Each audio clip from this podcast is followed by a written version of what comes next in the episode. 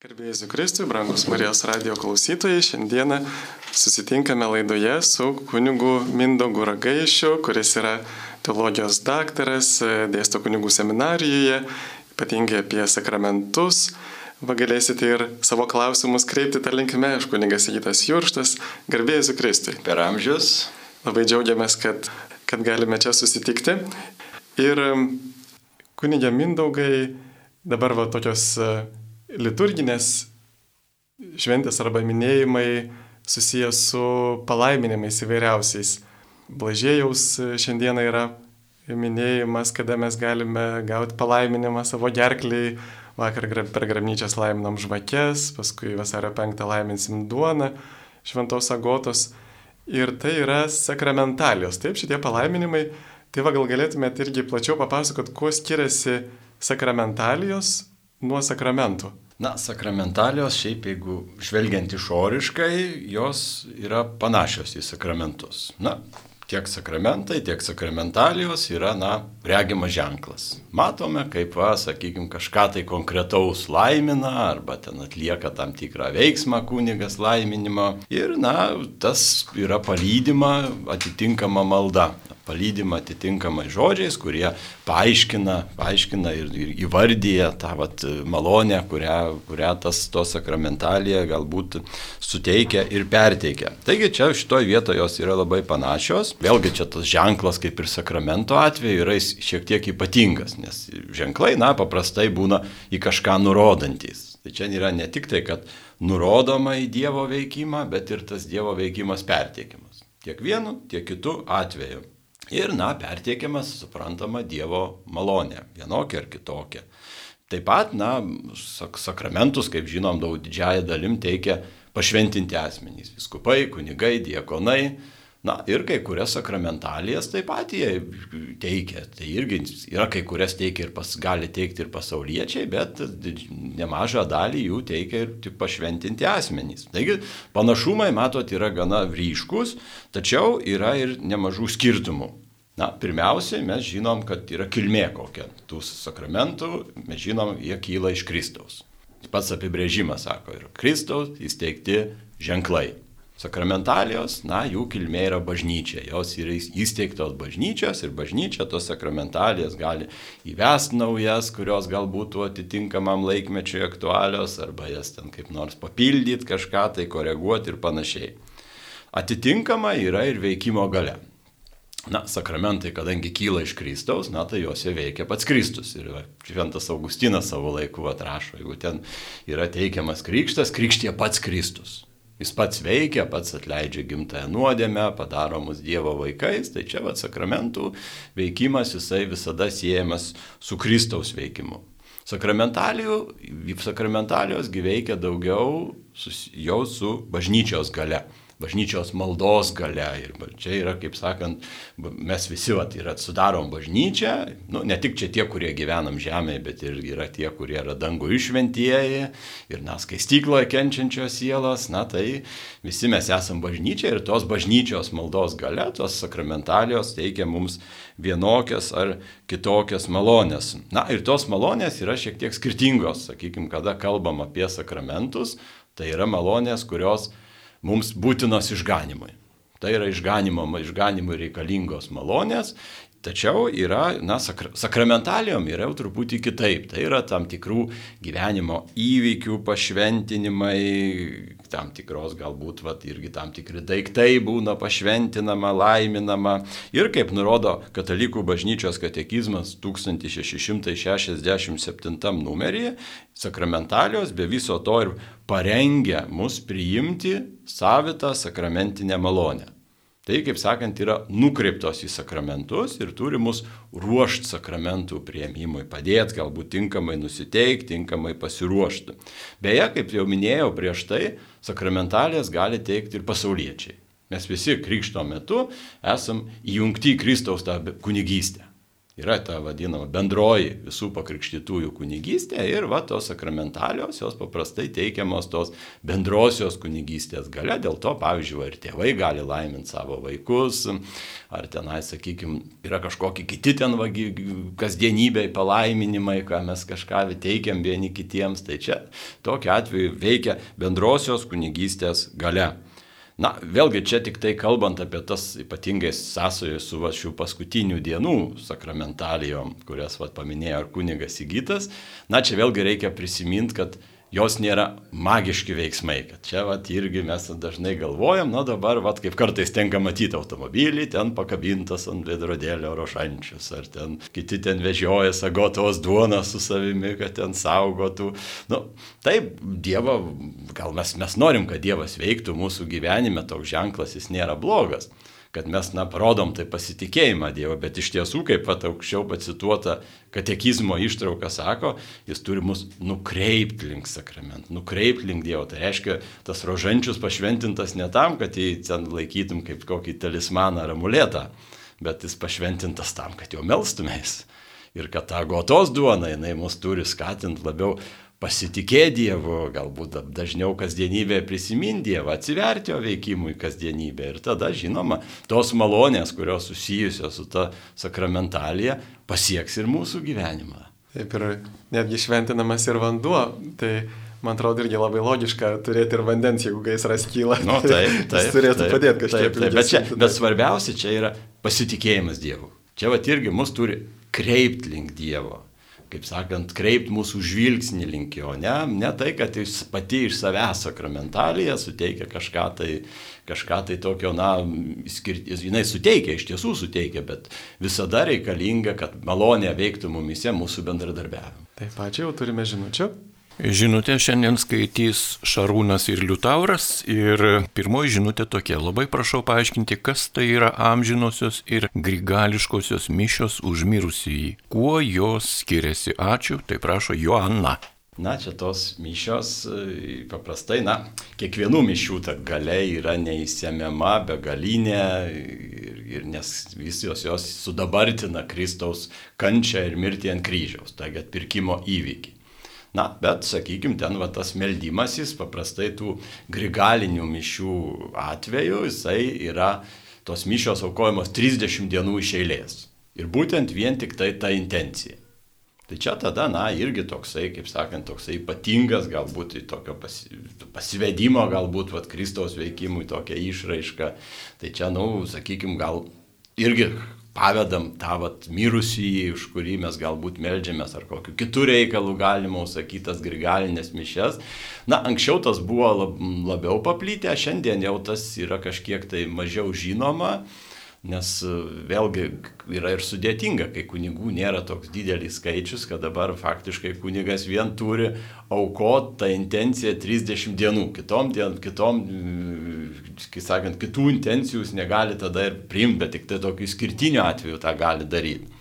Tai čia šiuo atveju, na, vėlgi to, dėl to praktiškumo, bet vėlgi šiaip ir šio laikinė teologija visgi akcentuoja, kad, na, gal mes neturėtume ir perlenkti šitoj vietoje, kad čia, vat, nu, kuo didesnis kiekis mišių, tuo bus ten kažkas šventesnis. Iš tiesų, na, kiekvienos mišios yra, kaip, kaip dar kartą pakartosiu, Kristaus aukos sudabartinimas. Ir čia tos, nu, tas lobynas tų malonių jisai tikrai neįsiemiamas. Ir čia svarbiausia, kad ir tose sudėtinėse kartais mišiose, nemanau, kad ten tasai mirusysis ar, ar ten ar gyvas žmogus, už kurį melžiamasi, ten gauna mažiau malonių. Tai dėl to šiaip tikrai svarbu, kad mel, yra melžiamasi.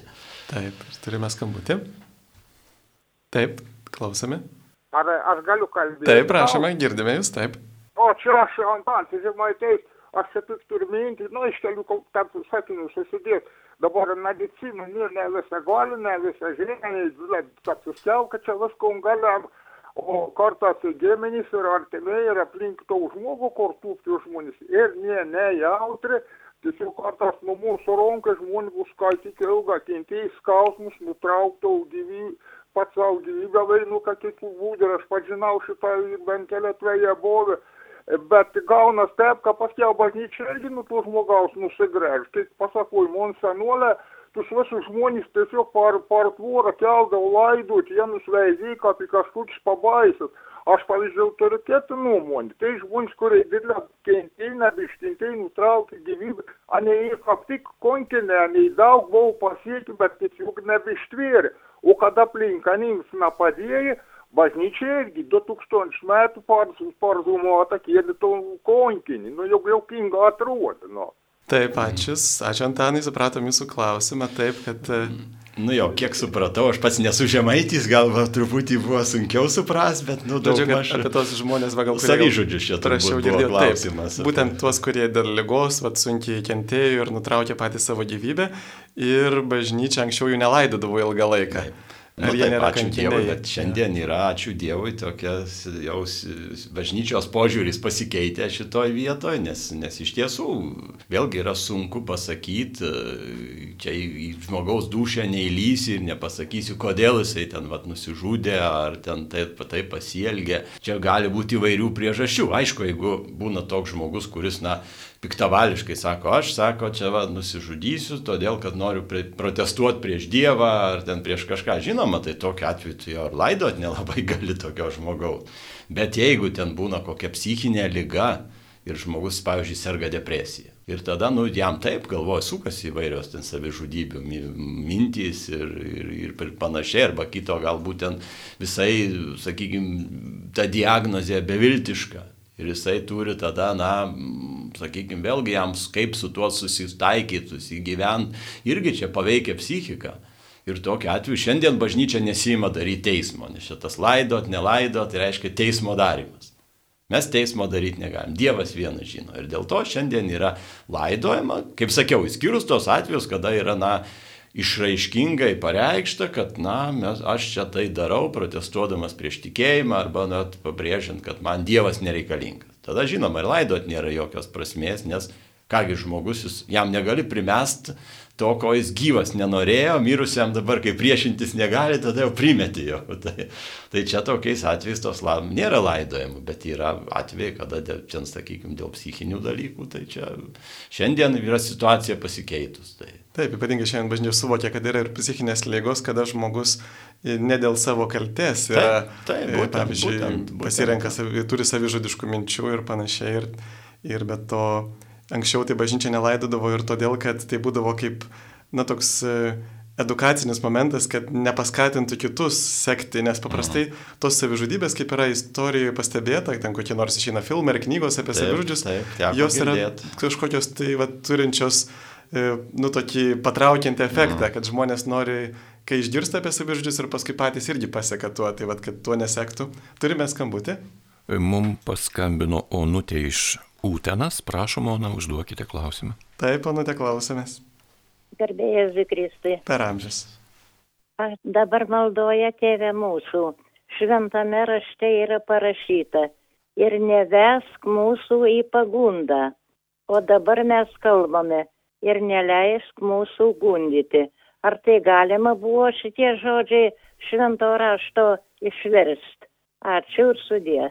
Taip, ačiū. Na, čia ginčiamasi dėl to vertimo iki šiol ir vienuose kraštuose yra vienaip išversta, kituose šiek tiek kitaip. Tai, bet, na, paprastai atliekant vertimus yra daromas, nu, tas vadinamas prasminis vertimas. Nes jeigu mes versim, pavyzdžiui, ten iš kitos kalbos vien tik tai pažodiškai, nu, tai kai kurių dalykų mes nelabai ir suprasim.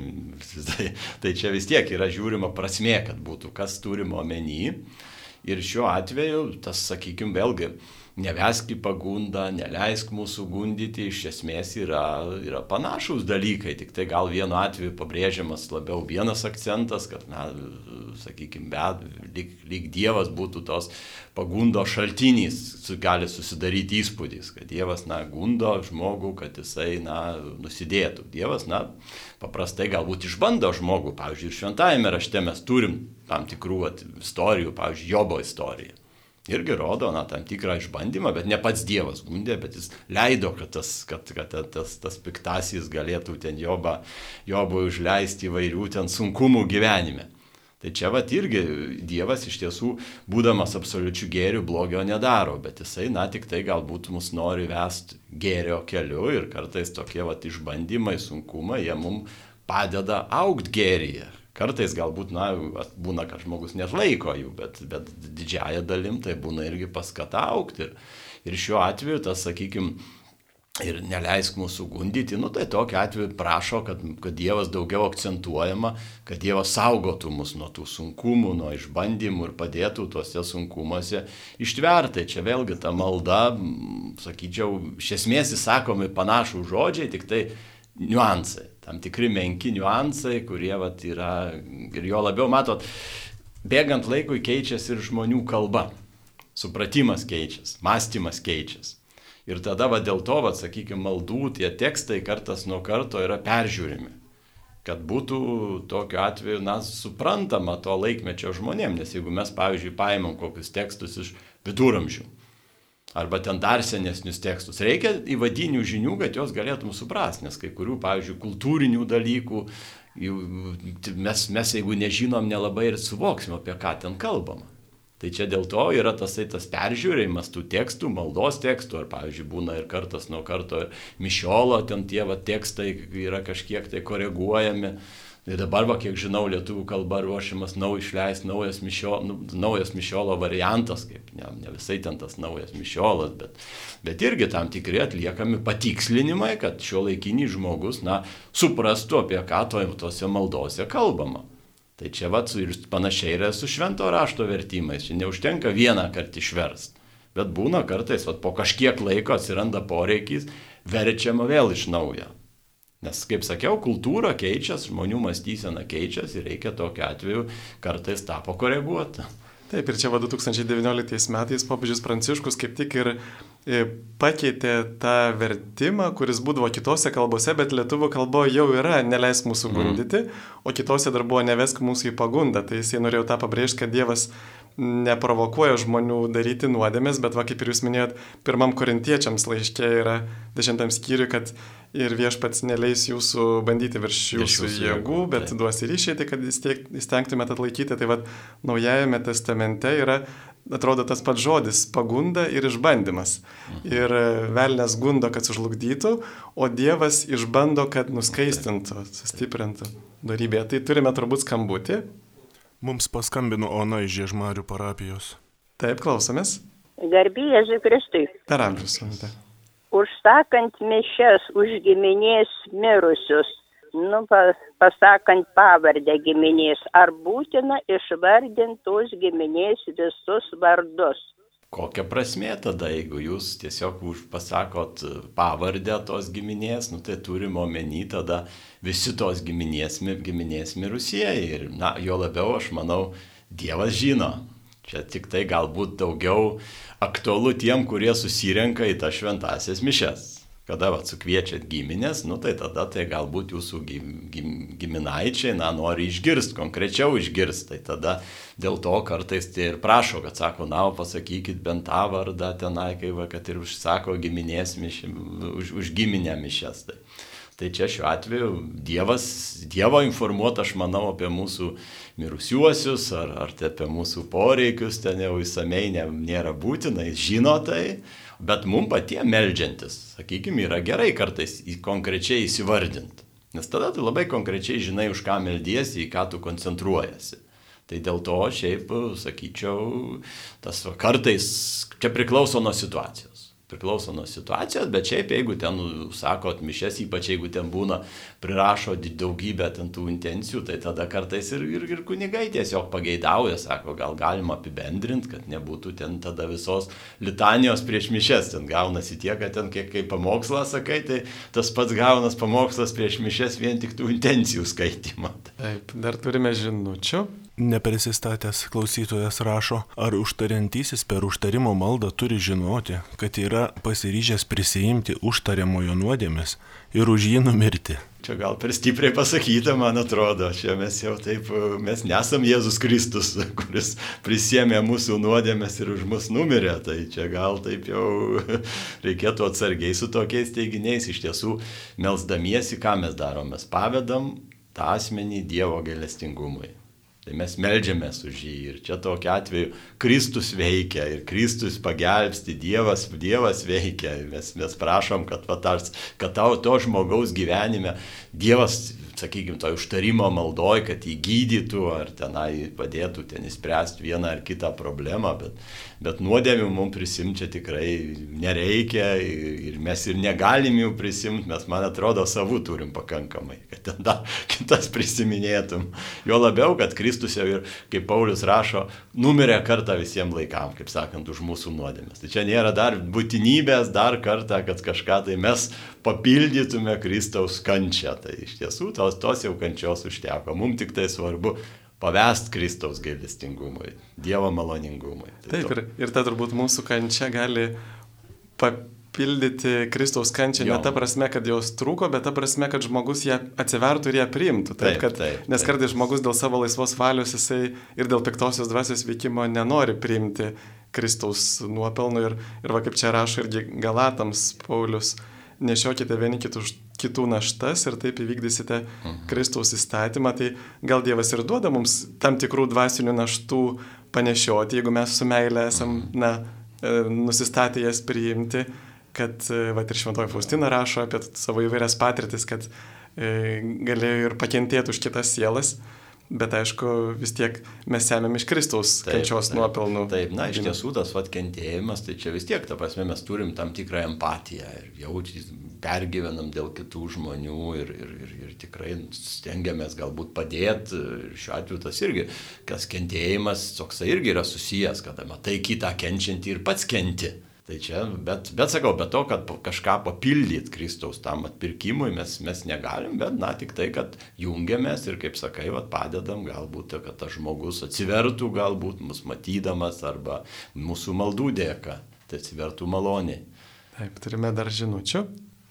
Tomas iš Vilniaus klausia, kas yra siela? Ar siela tai nėra suvokimas, kas nutinka sielai žmogui išprotėjus? Ačiū už atsakymą. Mm, nu, va, čia geras klausimas, kas tai yra siela šiaip. Tai yra, na, vėlgi mes žinom, kad žmogus yra, ne, turi ne tik kūną. Nu, jeigu turėtų tik tai kūną, nu, tai kas būtų, kaip, kaip sakant, ta mėsa vis, viso labo.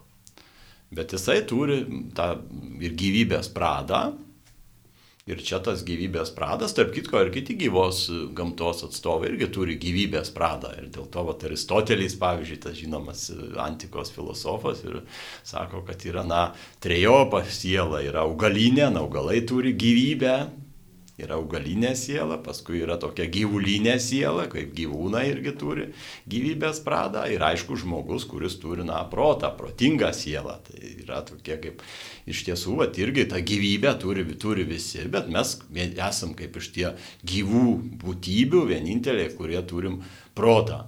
Turim protą ir mūsų siela ne tik tai, kad yra kaip gyvybės pradas, bet yra tuo pačiu ir dvasia.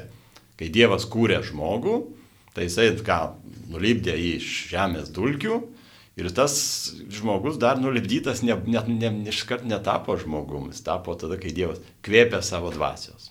Vad radau katekizme, kaip tik, va tai apie ką jūs kalbate, kunigė Minugai, kad šventame rašte žodis siela nekarta reiškia žmogaus gyvybę arba Taip. visą žmogaus asmenį, tačiau juo pavadinama ir tai, kas žmoguje yra giliausia ir vertingiausia, kuo jis labiausiai panašus į Dievą siela tai žmogaus dvasinis pradmuo 363 arba 365 sielos ir kūno vienybė tokia artima, kad sielą galima laikyti kūno formą. Taip. Čia. Vadinasi, iš medžiagos sudarytas, dvasinės sielos veikiamas, kūnas tampa žmogiškų ir gyvų kūnų. Dvasia ir medžiaga žmoguje nėra dvi sujungtos prigimtis, bet būdamas suvienytos sudaro vieną prigimtį. Taip, taip. Tai va, tai vienu žodžiu, žmogus turi dvasinę sielą, kurios jis skiriasi nuo kitų kūrinių ir ta dvasinė siela leidžia jam, na, va, eiti į santykių su Dievu. Taip ir dar tai. bažnyčia taip pat nurodo, kad siela yra nemirtinga, ji nepražuva mirštant atskirta nuo kūno, bet vėl susijungs su juo galutinio prisikėlimo metu. Taip, turime dar Gerai. skambutį. Mums paskambino Lina iš Kupiškio. Taip, klausome. Gerbėjai Jėzui Kristui. Per amžius. Norėčiau iškelti tokį klausimą, ką reiškia vykdyti evangelizaciją. Aš manau, kad vykdyti evangelizaciją vienas iš apibrėžimų yra skleisti tiesą. Mūsų parapija dėja, manau, taip nėra. Pavyzdžiui, e, vargonininkas nepriima švenčiausias sakramentas sekmadienis, kas priklausytų neturi e, komu, šventosios komunijos su viešpačiu Jėzumi ir kitiems netinkamą pavyzdį rodo ir, ir kitiems trukdo atlikdamas gesmes e, e, turėti šventąją komuniją su viešpačiu Jėzumi. Tiesiog e, ateina, pavaidina tikinti ir susišluoja pinigus, nesivertęs yra žmogus ir niekas negirdėjo jo kalbant apie Dievą. E, klebonas ir vyskupas apie Dievą kalba. Tačiau, kadangi jie finansuoja vargonininką veidmainiaujantį, tai ir jie patys tampa veidmainiaujančiais. Taip, ačiū. Ir, ir tiesiog ačiū Jums, ačiū, supratome. bažnyčios. Jo, iš tiesų čia taip jau evangelizacija, jeigu tai pirmiausia ir buvo klausimo, kas tai yra, nu, tai yra Evangelijos kelbimas. Tai yra net, net ne tai, kad bet kokios tiesos kelbimas, tai yra ir filosofija turi savo tiesą ir būna kartais ir ta materialistinė filosofija atvirkščiai, tai tu kaip tiesą pristato teiginį, kad Dievo neegzistuoja, kad yra tik tai materija. Tai irgi čia nėra toksai bendra prasme tas tiesos kelbimas, bet yra, na, Evangelijos gerosios žinios apie tai, kad, na, Kristus atėjęs mus atpirko. Ir mes galim pasiekti atpirkimą, išganimą ir tas, na, Jėzus irgi nurodė, kas reikalinga, kad tą išganimą pasiekti, atsiversti ir tikėti Evangeliją.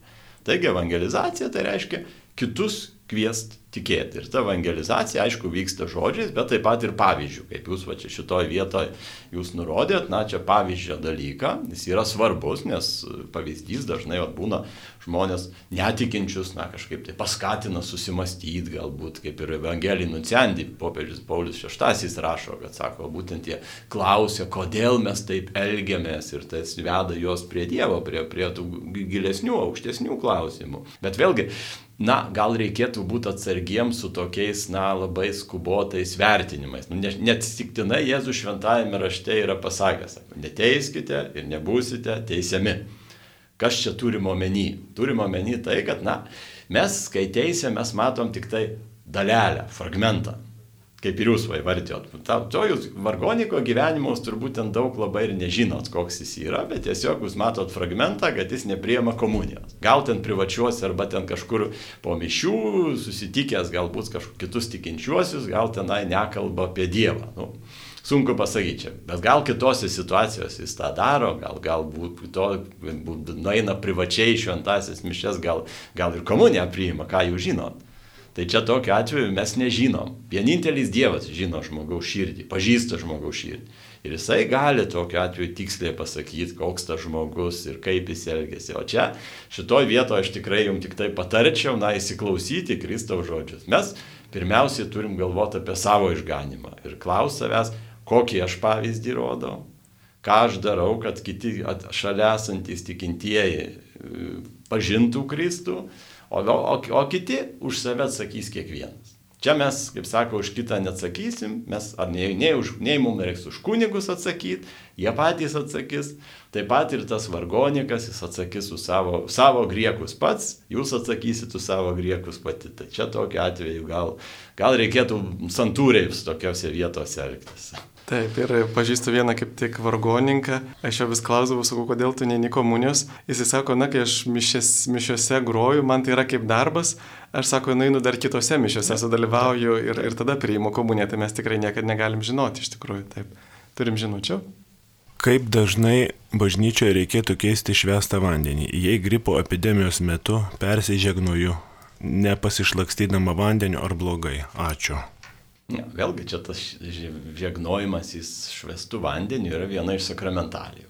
Vėlgi yra kaip tos bažnyčios įvestas dalykas, kuris mums padeda galbūt irgi tas, va, sakykime, tam tikrą apsaugą galbūt suteikti arba pasitikėti labiau Dievu galbūt, kad mes vat, paženklinam save labiau, tada pajaučiam, kad savotiškai na, mes prisilietėm prie to, kas yra na, susijęs su Dievu, su Dievo, dievo veikimu. Ir aišku, hygienos e, reikalavimai, na, jie tik tai buvo ne tik tai aktualūs pandemijos metu, bet išlieka ir šiandien. Ir tokiu atveju, jeigu ten tas vanduo prirūgęs ir ten nežinia kokių ten parazitų pla, plaukioja paviršį to vandens, nu tai tokiu atveju čia gal būtų tik tai ženklas, kad e, tos bažnyčios tarnautojai ir kunigai žiūri atmestinai žiūri atmestinai, galbūt čia ir nepagarba ir pačiam švestam vandeniui yra, tai čia ta priežiūra turi būti.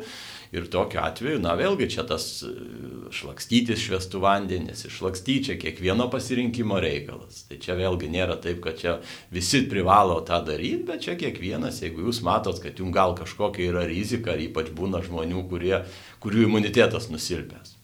Na, jie tikrai, vad kartais irgi tenka matyti vaikšto su kaukiam ir dabartiniu metu ne iš gero gyvenimo jie tai daro.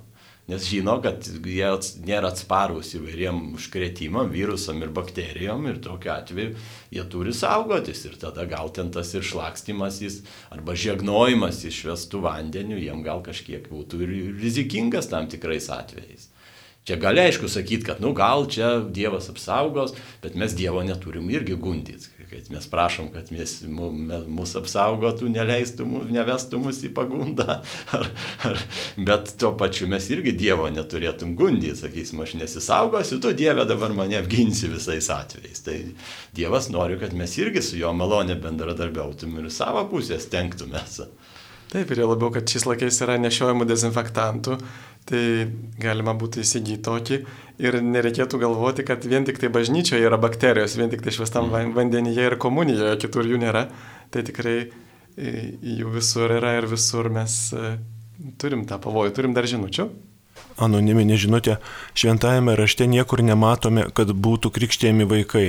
Ar vaikų krikštas yra teisingas? Mm, nu jo, taip dabar čia netiesa, kad nematome. Saliginai, taip. čia yra saliginai tas pasakymas nematome, nes yra patvėjai, kur kalbama apie tai, kad, vat, pavyzdžiui, paštalas Paulius ten vat, pakrikštė ištisus namus. Ten paskui ten, ten atrodo ir apie Kornelijos istoriją, kur yra Petras, tai irgi pakrikštė visus namus. Tai vėl namai, tas graikiškai oikos, na, jisai reiškia, na, šeimą faktiškai, ne tik tai, kad tą bendrą šūkį, kuris ten, vats, kurį turi šeima, bet, bet, bet, bet turi ir, ir turimo omeny šeimą. Ir, ir čia, žinoma, galima ginčytis, tiesiogiai nėra įvardinta, kad prie to šeimos vat, buvo atveju, tos, tuo atveju buvo pakrikštyti ir vaikai. Tiesiogiai nėra įvardinta. Bet, na, tą suponuot, prileist, iš tiesų galim iš tiesų galim ir yra nuo tokia, sakyčiau, gal nusvari netgi prielaida galvot, kad ko gero visgi, jeigu buvo krikštėma visa šeima, tai galbūt buvo krikštėmi ir vaikai. Tai čia tokiu atveju ne visai tas, tas teisybė. Iš tiesų tas vaikų krikštas, jisai bažnyčioje, na, įsigaliojo ir įsitvirtino ne iš karto. Tas tiesa, pirmaisiais krikščionijos amžiais daugiau saugia buvo krikštėmi, Na, todėl, kad jie atsivertė. Taip, taip, nes, vėliau. nes, nes taip, taip, taip, taip, nebuvo skelbta ir Evangelijos, nu tai suprantama. O vėliau čia tokiu atveju šiaip jau apie kokį ketvirtą amžių jau yra taip jau, jau, jau yra tas įsitvirtinę tokia praktika, jau pilnai yra paliudyta ir bažnyčios tėvų yra. Tai čia tokiu atveju sakyti, kad na, jeigu tai nebūtų susijęs su švent, švento rašto supratimu, mokymu, Tai tokiu atveju gal būtų tas neįsitvirtinę, sakyčiau. Tai čia taip, nu, vėlgi tas teiginys, kurį jūs pats sakote, jis ne visai yra tikslus ir teisingas. Tai. Kartais žmonės nugaistavo dėl dviejų dalykų. O protestantai labiau dėl to, kad e, e, atseit tie žmonės, kurie kūdikystėje pakrikštyti, jie samoningai nepriima tikėjimo ir tik tai va taip tradiciškai išgyvena, bet mes juk kiekvieną, per kiekvienas Velykas turime atnaujinimą, mm. dar turime ir sutvirtimo sakramentą jau paauglystėje, kada žmogus prisimena ir, ir samoningai pasirenka, bet taip pat ir kai kurie galvoja, kad tai yra pažydžiamas vaiko teisės, kad už jį atsit nusprendė tikėjimą, bet juk žiūrėkime, ir Jėzus buvo apipjaustytas aštuntą dieną, bet ta visa žydų tradicija, jis įvesdinamas jau į šitą sandorą, jau, jau negalėdamas pasirinkti, nes, na nu, kaip, tėvai yra atsakingi ne tik išmokyti vaiką E, ten pavyzdžiui, kaip rankas plautis ir panašiai, bet ir kaip vengti nuodėmės ir kaip tikėti Dievą. Ir tai yra tėvų pareiga e, perduoti tai, ką, ką jie turi geriausia. Ir paskui vis tiek vaikas yra laisvas. Tuo gyventi, tai tai reikia. Nes, nes ir kitose atvejus, pavyzdžiui, gerai, tam tikras mandagumo arba etiketo taisyklės. Nu irgi gali sakyti, primetamos yra, nes, nes jis pats negali, negali pasirinkti to. Tai yra dalykai, kurie mūsų visuomenė yra būtini, kuriais, kurie yra svarbus mums gyventi nu tai bendram gyvenimui ir sugyvenimui svarbus, nu tai tokiu atveju čia paprastai tėvai, kurie atsakingi, kaip pat kunigas Gytas ir sako, už vaikus ir jų auklėjimą, ir tai yra pirmie, pirmieji, pirmieji, kuriuom, kuriuom ta atsakomybė ir priklauso, ne valstybė, ne mokyklai, bet tėvam jie kaip tik tai duoda tai, kas vaikui gyvenime yra reikalinga. Taip pat ir pasaulyje žiūra, tas suvokimas, dėl ko aš gyvenu pasaulyje, tas irgi čia priklauso prie tų esminių dalykų. Ir tokia atveju tėvai norėdami gerą vaikui tiesiog tą perteikia.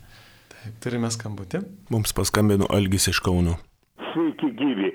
Man, man knieti, jūs paklausti, gerbėmieji, aš, mane domina šventas raštas.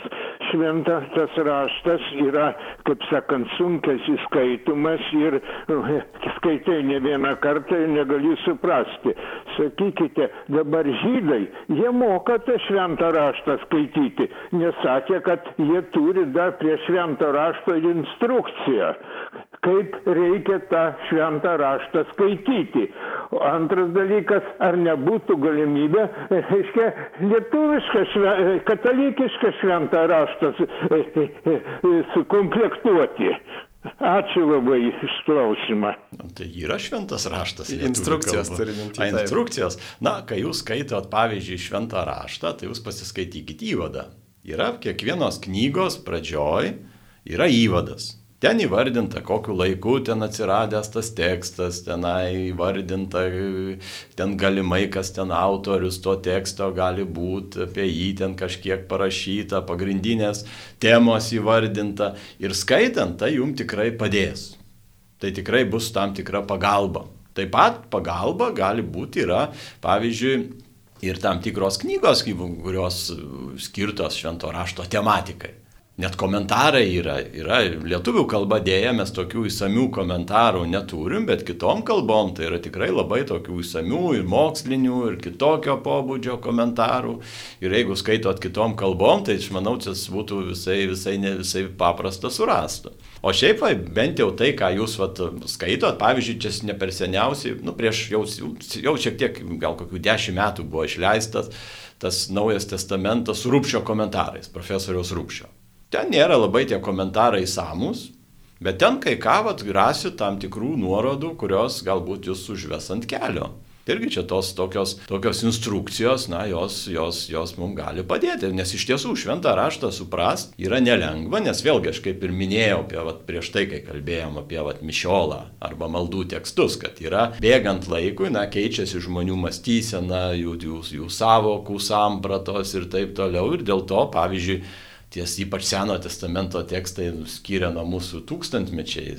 tai, tai tokiu atveju mums juos supras savaime suprantama, tas sudėtinga, nes atsiradė kitoj kultūrinėje aplinkoje. Ir tada tokia, kaip jūs sako, ta instrukcija čia tikrai yra reikalinga. Plus, kai jūs dalyvavote šventosiuose mišiuose, irgi skaitoma šventas raštas, kunigai sako pamokslus. Ne šiaip savo juos sako, bet vad sako tam, kad jums padėtų švent, šventą raštą įsigilinti kažkiek, suprasti vieną ar kitą aspektą. Tai jūs va, tuos pamokslus įdėmiau tada seksi, sekit, va, jums bus irgi jau instrukcija tam tikra, kaip reikia apie šventą raštą mąstyti, kaip įskaityti. Taigi yra, yra tam tikrų priemonių ir pas mus, ir tas priemonės tikrai reikia tik tai susirasti ir naudotis. Na, tai čia, čia taip jau kažko ten ypatingo nėra, kad ten būtų dabar, jūs turbūt įsivaizduojate instrukciją, kad tenai nu, būtų taip jau, kaip tenai, kaip žingsnės, va, padaryk tą, paskui tą, paskui tą. Tai tokių instrukcijų tai niekas jums nepateiks, bet jūs pats turite šventą gilintis į šventą raštą. Jums tik tai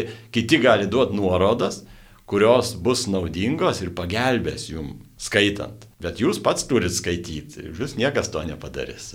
Taip, aš kaip tik nesinčiau irgi anglų kalba toksai praktinis e, šventą rašto komentaras ir taip nustebau, taip gerai viskas išaiškinta ir, ir taip, na, tikrai trūksta lietuvių kalba, bet šiaip mes šitą turime.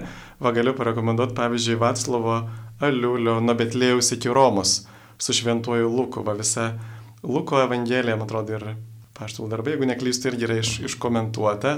Ir taip pat e, yra neseniai išėjusi tokia knyga visai neseniai e, Jurgitos Fedorinienės kunigo Česlovo Kovaliausko rašytinis palikimas. Ir ten toje knygoje yra ilgas toksai Naujojo testamento, gal net ir viso švento rašto įvadas, nepamenu, ir tikrai vertas dėmesio įvadas. Arba, pavyzdžiui, labai gera tokia galvos neišsameusia, bet tik Morkus Evangelijos e, komentaras yra Evangelijos atminimas ir pasakojimas, pasakojamoji Morkaus katechezė Silvano Fausti, čia jau seniau išleista prieš e, keletą metų, atsiprašau, 2006 metais. Tai vad mes turim lietuvų kalbą, arba, va, pavyzdžiui, nauji dabar vertimai, kur išeina. Taip. Ten irgi yra komentarai, bet jie šiek tiek moksliški tokie, bet irgi labai gilus. Tai nauji Biblijos vertimai dabar išėjo kaip tik pagal Evangeliją pagal Luką, prieš tai Pauliaus laiškai. Tai mes tą linkmę judame, bet jau yra šiek tiek knygų, pavyzdžiui, yra Peter Kryft irgi knyga apie švento rašto supratimą.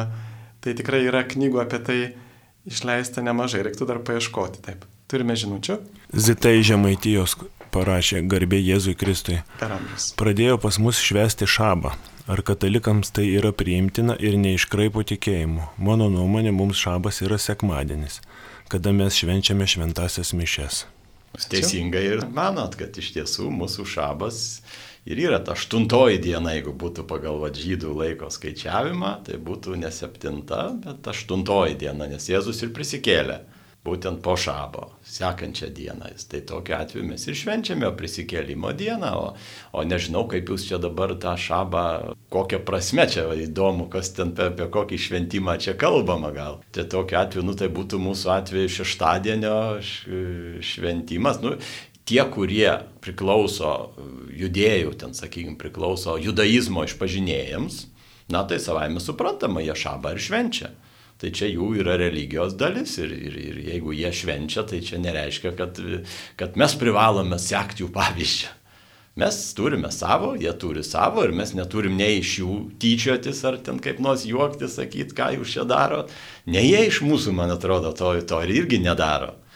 Tai čia, to, čia tokiu atveju, jeigu tenai kokioje vietovėje ten yra, sakykime, judaizmo išpažinėjų ir jie tą daro, nu tegul tą daro, šiaip, o šiaipgi mūsų visuomenė visgi ta pagrindinė nedarbo diena yra sekmadienis ir ne, ne, neteko girdėti, kad būtų kažkokie svarstymai, kad būtų planuojama ją atšaukti ar kažką pakeisti. Nes juk šabas ir nurodo į patį Kristų, juk jisai yra ta paks eternum, tas tam žinojo ramybė. Bet kita vertus aš kartais pamastau, kad vis dėlto krikščionims, ypatingai šių laikų, būtų labai gerai atgavinti tą šabo šventimą dėl tos priežasties, kad, nu, ypatingai tiem žmonėm, kurie linkia į darboholizmą, va, tai persidirbimą mm. ir tu atrodo niekada negali nurimti, nes yra labai daug darbų ir kartais reikia save priversti susilaikyti nuo darbų, nes sekmanis irgi skirtas tam, na, pavyzdžiui, reikia ir mišes, nueiti, reikia ir su šeima pabūti ir reikia ir gerus darbus padaryti, va, sekmanis yra skirtas geriems darbams. Tai, ypatingai, man atrodo, mhm. žmonėm, kurie linkia persidirbti, man atrodo, labai gera praktika būtų va tokia, e, vienuolynuose turi tokią dikumos dieną. Va išeiti kartą per savaitę į tokią dikumos dieną, kada gali tikrai pabūti, na, va tokiam neveiklume, bet atsiverti Dievui ir geriausias mintis kyla, kada ilsiesi ir kūryba. Ja, nu, čia yra laiko planavimo klausimas. Kaip kas tą laiką susiplanuoja, bet šiaip sekmadienis, man atrodo, irgi ir katalikiška samprata tą pabrėžia, kad yra ir polsio diena. Ne tai, kad ten turim kažkokius dadarį darbus, kurių nespėjom per savaitę, bet tai yra polsio diena, kad mes galėtume tikrai ir, ir fiziškai palsėti, bet tuo pačiu, na, sakykime, ir švesdami sekmadienį einam į, sakykime, bažnyčią, dalyvavom mišiuose, susitinkam su Dievu ir tokiu atveju tas mums ir padeda suprasti ir darbo prasme, kad čia žmogus nėra vien tik tai darbui sukurtas.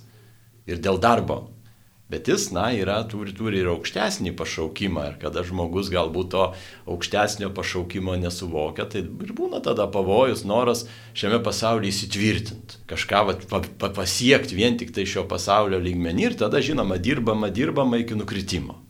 Bet kada žmogus suvokia, kad čia nėra mūsų tėvynė čia šito žemė, mes keliaujam kitur, tai tada gal ir prioritetai kitaip susidėlioja ir tada gal ir į tai atsižvelgiama labiau ir planuojant laiką. Turime žinučių. Garbė Jėzui Kristui. Visada klausau jūsų laidas, dabar išgirdau, kad gyvūnai turi sielą. Kitose laidose girdėjau, kad taip nėra. Mhm. Ačiū Virginija. Aišku, gerai, aš turiu patikslinti, aš tik tai citavau filosofą Aristotelį, kuris nebuvo krikščionis, jisai gyveno maždaug penktas amžius prieš Kristų, kažko jeigu neklystu. Tai, tai aš apie tai kalbėjau, apie sielą kaip gyvybės pradą. Nes gyvybė, kad turi, sakykime, tenai ar, ar, ar šuniukas, ar kačiukas, ar ten koks liekas, na jūs turbūt irgi neginčysit, kad turi tokią, to, kaip sakant, yra gyvas, gyva būtybė. Tai čia tokiu atveju, jeigu kalbam apie tokį gyvybės pradą, taip, tada mes matom ir gyvūnuose.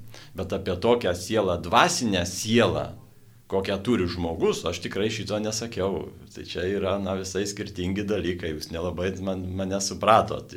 Iš tiesų, vėlgi tas, sakykime, žmogaus, va, tas siela, jinai skiriasi. Nes jinai, kaip aš jums irgi minėjau tą faktą, kad jinai įkvėpta Dievo buvo. Kaip ir gimsta kiekvienas žmogus, bažnyčia moko, sako, dvasinė siela yra sukūriama Dievo. Tai nėra tėvų kažkas tai, kas paveldima iš tėvų ar gaunama iš tėvų. Bet dvasinė siela yra būtent tiesiogiai sukūriama Dievo ir, ir suteikiama.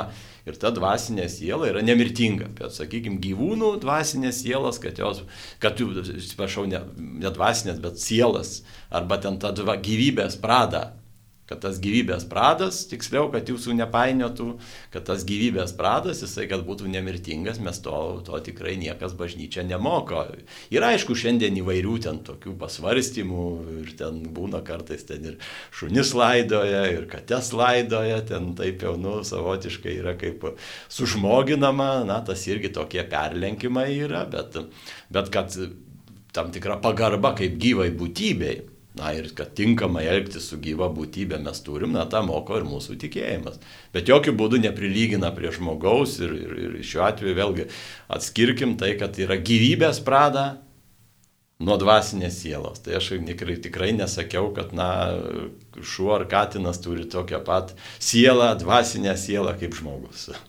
Bet va ir pažvelkim į, tarkim, žmogaus ir šimpanzės genetinį skirtumą skiriasi tik 4 procentai genų tarp žmonių ir taip, šimpanzių, taip. bet pažiūrėkit, koks didžiulis yra kultūros skirtumas. E, žmonės, na, nu tikrai šimpanzės nei kompiuterių kūrė, nei, nei katedrų stato, nei kalba, kalba turi tokią kaip žmogus, bet tai yra tik 4 procentai skirtumas. Taip. Tai va turbūt tai ir atskleidžia, kad žmogus yra kažkas daugiau negu vien taip, tik tai kūnas, taip. na, kad va ta žmogaus protinga dvasinė siela čia pasireiškia kad žmogus tiek daug gali visko sukurti. Taip, taip nes iš tiesų, vat, irgi tas vat, ir revoliucijos, kada matom, sakykime, tą vat, vystimasi, tam tikrų momentų ir teologai sako, yra įvykęs ontologinis šuolis. Kaip sakant, žmogus pasiekė tai, ko jis savo kūnų negalėjo pasiekti. Kaip sakant, pranoko tai, tą vat, materialų pradą. Tai va čia va tas ir yra tos va Dievo sukurtos dvasinės sielos veikimas. Tai čia, vat, o gyvūnai tokio ontologinio šuolio neturėjo. Jie tik tai vat, vystėsi, kaip sakant, kaip gyvos būtybės. Bet to ontologinio šuolio nebuvo. Taip, dar turime žinučių. Danutė iš Vilniaus klausė, ar šventų Velykų pirmąją dieną laikomos mišios užmirusius? Nu, šiaip negirdėjau, kad būtų uždrausta melstis užmirusius. Šiaip tik tai paprastai, aš ne, negaliu pasakyti, žinokit, va, kunigas įgytas, to jau dar patikslins, kaip tenai, bet... Taip, praktiškai tai laidotuvių mišios nėra taip, aukojamos, taip, ir Bet intencijas tai, man atrodo, rašo. Na taip, intencijos jau galima visokių taip, parašyti intencijų. Tiesiog laidotuvių mišios. Laidotuvių mišios, ne, nu, laidotuvių mišiom, jeigu ten tos didžiosios iškilmės, jos paprastai ir nėra aukojamos laidotuvių mišios. Taip. Tada melžiamasi už tą mirusį, aukojant, pavyzdžiui, ten jeigu per kalėdas kalėdų mišes arba tenai Velykų mišes. Tai čia tada yra melžiamasi, bet tik tai neįmamos, neįmami tie atskiri specialūs tam skirti laidotuvių tekstai. Tai čia yra vat, toks, toks skirtumas, bet iš tiesų melstis už mirusius tenai galima, galima bet kada šiaip. Ir kada jūs privačiai dalyvaujat mišiose, tai irgi jūs ten nebūtinai gal ten užrašytos jūsų mišios arba, kaip sakant, skaitoma ten, kad buvo ten už jūsų vertimuosius, bet jūs savo intenciją gali turėti ir melstis. Šventos Faustinos dienoraštė yra tokia mintis, kaip jinai rašo Jėzus, kad sako, jeigu tu žinotum, kaip tos sielos kenčia, nuolat aukotum joms tą dvasinę išmaldą ir patiria Jėzus šventai Faustinai visą laiką paukoti atlaidus, kurios bažnyčia teikia už sielą skaistykloje, ne tik už jas pasimelsti, bet dar ir laimėti atlaidus, va įvairiam progom. Kunigė Mindaugai, kada mes galim laimėti atlaidus savo mirusiesiems? Mm. Iš tiesų, ir, ir čia vat ir yra tas vat niuansas, kad atlaid, atlaidus galima gauti tik tai, tik tai tais atvejais, kada savo arba mirusiesiems. Mirusiesiems tada, nu, faktiškai visada, kada yra bažnyčios pramatyti atlaidai, Ten, pavyzdžiui, dėl įvairių ten dalykų būna, pavyzdžiui, didį trydienį, ten kryžiaus pagerbimas, ten didį ketvirtadienį, ten, ten adoravimas švenčiausio sakramento ir tenai būna kitų, pavyzdžiui, bažny, atskiros bažnyčios, kai švenčiami tituliniai atlaidai, irgi gauna, irgi tuos atlaidus galima. Tai tokiu atveju juos galima paukoti ir, ir užmirusi, nebūtinai už save. Galima ten, aišku, vieną kitą kartą ir savim pasirūpinti, tas irgi nepakenks, bet čia tie atlaidai iš esmės yra Dievo dovana mums. Ne tai, kad Dievo, bet yra daugiau bažnyčios maldos dovana. Gal čia būtų tikslesnis šiek tiek pasakymas, nes va irgi kyla iš bažnyčios nuopelnų, šventųjų nuopelnų. Ir štai ką mes, va, sakykime, galim laimėti atgailaudami, Bet neužilgo gavėnė bus, nu, gailos laikas. Ir mes atgailaudami irgi ten tam tikrų nuopelnų, sakykime, Dievo akise gaunam. Bet bažnyčia mums tai teikia dovanai. Nereikia ten pasnikauti, nereikia ten melstis ar ten kažką kitą. Užtenka tik atliktas įvardintas sąlygas, kurios yra nurodytos ir tu gauni tada ten visuotinius arba dalinius atlaidus. Ir tokiu atveju šiaip pat užmirusius, bet ypatingų būdų mirusiesiems tai būna jie skirti, kai būna vėlinio oktava. Per vėlinio oktavą netgi va tas aštuonias dienas bažnyčia skyrė, kad galima vien mirusiesiems. Na, aišku, gali ir savo juos paukot, bet, bet, bet vien mirusiesiems gali. Tai irgi Tai bažnyčia suteikia mums progų ir galimybių savo artimaisiais pasirūpinti pakankamai. Taip, ir kartu mus pačius veda į šventumą, nes norint gauti atlaidus, būtina viena iš sąlygų atsisakyti Taip. prisirišimo prie bet kokios, kad ir lengvos nuodėmės. Na, nu, pavyzdžiui, jeigu mėgstu ten apkalbėti arba dar kažką padaryti, Tai būtinai reikia pasiryšti, kad net lengvos nuodėmės, net mažiausios nuodėmės nedarysiu, va tik tada galiu laimėti atlaidus ir pasimelsti, aišku, popiežiaus intenciją. Dar turime žinučių. Simona Markauskienė iš Marijampolės rašo, pas mus metuose sėki būna atskiros mišios už augintinius, kurių metu susirenka gausybė žmonių su šuniukais. Ar pačios tokios mišios teisėtos? Nu, nežinau, gal ar taip kunigai tos bažnyčios yra suformulavę tų mišių paskirtį. Čia aš truputį abejoju, ar ten užaugintinis gal tiesiog yra, būna, kai kartais ten va, tiesiog pat, nu, la, palaiminami tie va, augintiniai. Pranciškonų tai gyvūnų palaiminimo šventės organizuoja. Taip, tai, va, tai čia gal, gal kažkas tai panašaus yra daroma, bet kad ten būtų aukojamos šventos mišios už gyvūnų gerovę, nu, nu, gal ten, mes nežinom, čia kaip sako, galim ir, ir Dievo gailestingumui, maloningumui ir gyvūnus pavest, bet, bet šiaip paprastai tas nėra daroma, tai, tai bent jau kiek aš žinau. Tai. O tarp kitko, prieš timo knygą minimi gyvūnai žinai, o ką, ką gali žinoti, ar ne? Ir nu, gal, kas ten žino, kas ten. Tai. Mes daug dalykų mes iš tiesų nežinom, nes, na, taip. kaip Dievas mums yra slėpinys, taip jo veikimas yra irgi slėpinys. Ir tokiu atveju daug galbūt mes tikrai turėsim staigmenų ten po mirties, jeigu ten papulsim į dangų ar ten kažkur kitur, bus tikrai daug staigmenų, kada pamatysim, kad galbūt tikrai buvo kitaip, negu mes net ir įsivaizdavom. Tai mes nežinom, bet tokiu atveju tik tai mes savo, mūsų tikėjimas kuo remiasi? Yra, yra prieiškimu.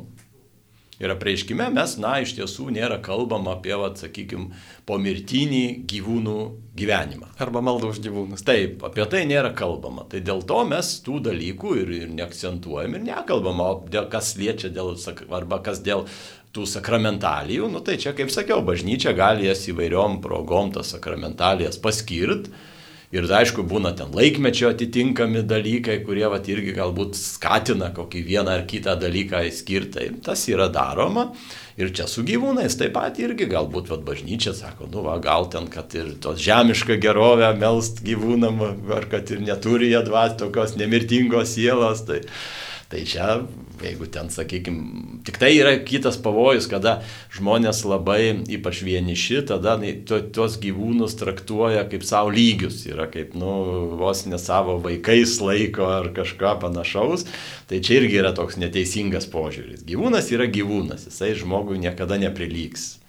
Tai yra tik gyvūnas, kuri tenai, kuris ten, sako, protą turi, nu tiek ten to proto čia klausimas, daugiau instinktais gyva, jisai vadovaujasi. Tai. Na ką, tai dabar turime pertraukėlę. Iki.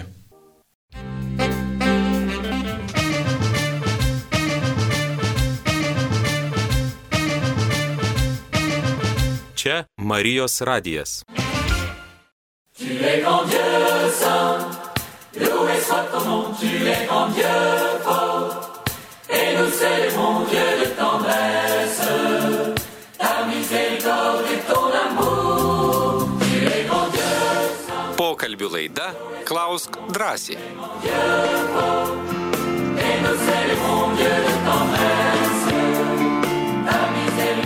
et ton amour. Šiandieną klaus drąsiai laidoje susitinkame kartu su kunigu Mindaugu Ragaišiu, teologijos daktaru, seminarijos dėstytoju, sakramentologijos specialistu ir aš kunigas Sigitas Jurkštas.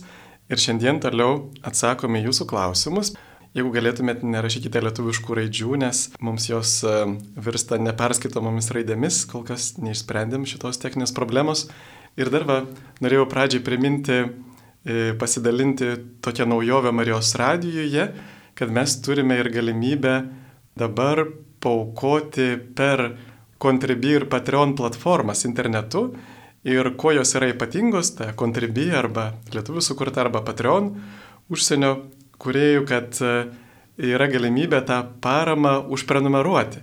Na pavyzdžiui, tarkime, gal aš neturiu dabar, kiek norėčiau paremti, pavyzdžiui, kokią nors organizaciją, Marijos radiją, Bet aš galiu tiesiog užsiprenumeruoti, pavyzdžiui, 2 eurus per mėnesį, 5 eurus per mėnesį ir automatiškai tie, ta parama nuskaitoma ir tokiu būdu ir aš galiu nevargti kiekvieną kartą ieškoti tų kodų, kaip ten pervesti ir kartu radijo va, toks pastovus reguliarus palaikymas, nes kiekvieną mėnesį turim surinkti maždaug apie 60-70 tūkstančių eurų, kad galėtume padengti visas radijo išlaidas ir paprastai turime iš, na, santopų nedaugiau kaip mėnesį į priekį kartais ir mėnesių nebūna į priekį, tai va, todėl mums labai svarbu kiekvieną mėnesį, kad ir nedidelė jūsų parama.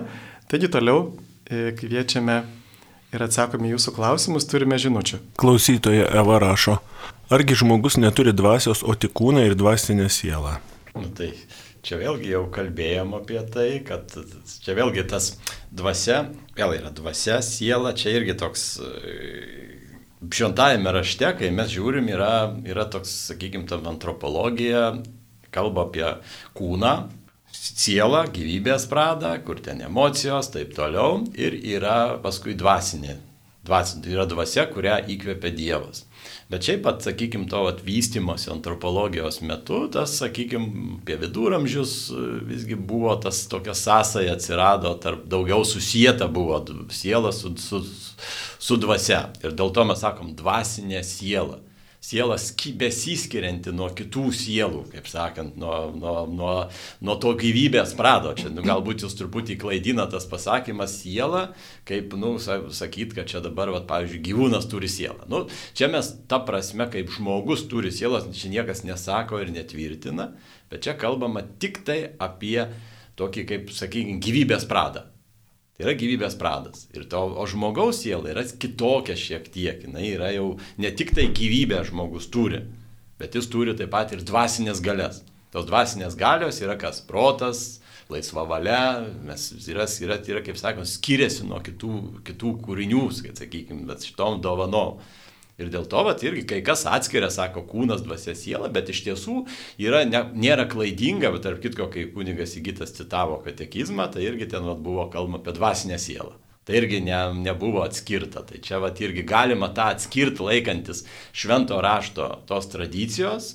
Galima, sakykime, sakyti kaip dvasinė siela, laikantis, tai, sakykime, to, va, to, tokio daug, daugiau tolimesnio teologinio šito savokų vystimos. Taip, ir va, 367 paragrafas katekizmo sako, kad kartais siela ir dvasia laikomos skirtingais dalykais. Šventas Paulius meldžia, kad dvasia, siela ir kūną Dievas išlaikytų nepeiktinus mūsų viešpaties Jėzaus Kristaus ateimui, pirmas tesalonikiečiams laiškas, bažnyčia moko, kad tas skirtumas nereiškia sielos dvilipumo. Dvasia pasakoma, kad nuo pat sukūrimo žmogus yra skirtas antgamtiniam tikslui ir kad malonė gali iškelti jo sielą lygi bendrystės su Dievu. Nu tai va, tas dvasia reiškia jo e, gebėjimas bendrauti su Dievu ir kad nu, nereikėtų dalinti tris dalis žmogaus, Taip. bet tiesiog tai yra kūnas ir dvasinė siela. Nes, nes čia vėlgi yra tasai dalinimas, tasai žmogaus jis būdingas graikų filosofijai. Yra va irgi mes, pavyzdžiui, pagal biblinę antropologiją yra, sakom, žmogus yra kūnas, yra siela, yra dvasia. Pagal graikus yra žmogus susideda iš kūno, sielos ir dvasios, kaip sakant, kaip mozaika tokios e, dar. Tos dalys pagal biblinę antropologiją, jos yra persipinusios, jos nėra visiškai atskiros ir dėl to galim kalbėti apie dvasinę sielą. Tai čia yra, jūs, jūs, jūs klausime, vat, atskamba būtent tas graikiškas supratimas, iš kurio, kuris, na, didžiaja dalimi yra Platono nu, apspręstas ir ten, vat, iš to atsirado tas ir supratimas, yra kūnas, sielos kalėjimas. Nes yra, nu, taip supriešinama, supriešinama siela ir materija su, su, su dvasiniu pradu yra tas žmogus, jis kada įsilaisvina iš, dvas, iš materialaus prado, jis tada tik gali būti laimingas.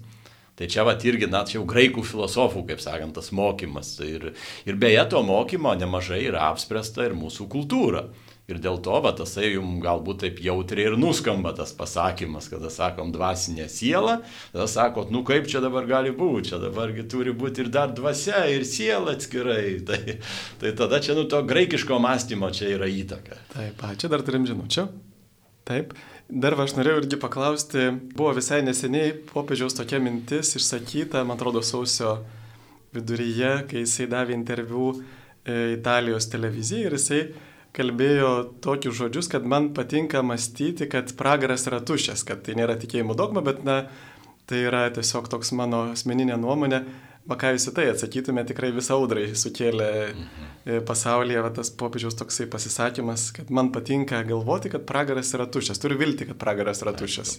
Nu, čia tokiu atveju šiaip e, nėra bažnyčios paskelbta tikėjimo tiesa, kiek pragaro yra užimta, ar ten 30 procentų, ar tenai pusę pragaro, ar ten tik tai tu pustuštys yra, gal visai tuščias.